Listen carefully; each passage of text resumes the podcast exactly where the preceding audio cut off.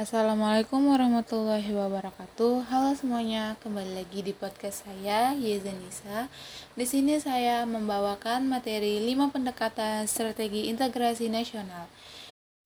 Jadi, integrasi nasional adalah usaha dan proses mempersatukan perbedaan-perbedaan yang ada pada suatu negara, sehingga terciptanya keserasian dan keselarasan secara nasional. Integrasi nasional sangat penting untuk menciptakan keselarasan bangsa dengan keadaan masyarakat yang berbeda dan wilayah Indonesia yang sangat luas. Ada beberapa aspek yang membentuk integrasi nasional, yaitu aspek politik, aspek ekonomi, aspek sosial budaya. Nah, di sini ada lima pendekatan untuk mengembangkan integrasi di Indonesia, yaitu yang pertama, adanya ancaman dari luar. Adanya ancaman dari luar harus membuat kita sebagai bangsa Indonesia harus bersatu. Dengan tidak membedakan suku, ras, maupun agama, merupakan salah satu contoh berintegrasi nasional. Yang kedua, gaya politik kepemimpinan.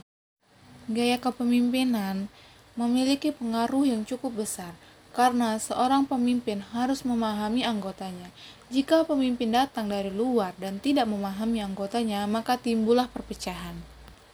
Yang ketiga, kekuatan lembaga-lembaga politik.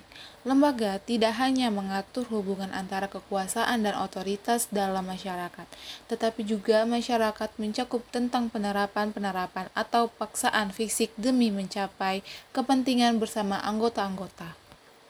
Yang keempat, Ideologi nasional Adanya ideologi nasional, Pancasila tidak dapat didukung oleh ideologi mana pun. Walaupun Indonesia terdiri dari banyak kepercayaan, arti penting dan fungsi Pancasila sebagai pandangan hidup bangsa Indonesia tidak terlepas dari kehidupan sehari-hari masyarakat. Pemaksaan ideologi nasional yaitu Pancasila dilakukan melalui implementasi nilai-nilai Pancasila dalam kehidupan sehari-hari untuk mewujudkan integrasi nasional di Indonesia melalui pemaknaan ideologi nasional yaitu Pancasila dalam kehidupan sehari-hari integrasi nasional akan lebih mudah untuk diwujudkan. 5. Kesempatan pembangunan ekonomi Peluang pembangunan ekonomi dapat mengintegrasikan bangsa jika ada kesempatan, dilakukan dengan sebaik mungkin, serta penerapan ekonomi pembangunan di ekonomi yang merata di setiap daerah. Dari pembangunan ekonomi yang merata tersebut, maka akan menimbulkan rasa persatuan dari masyarakat karena adanya perhatian yang merata. Dari pemerintahan dan dari pembangunan yang merata ini juga dapat mempersatukan bangsa. Nah, demikian penjelasan apa itu integrasi nasional tentang aspek serta pendekatannya. Semoga materi hari ini yang saya bawakan dapat bermanfaat.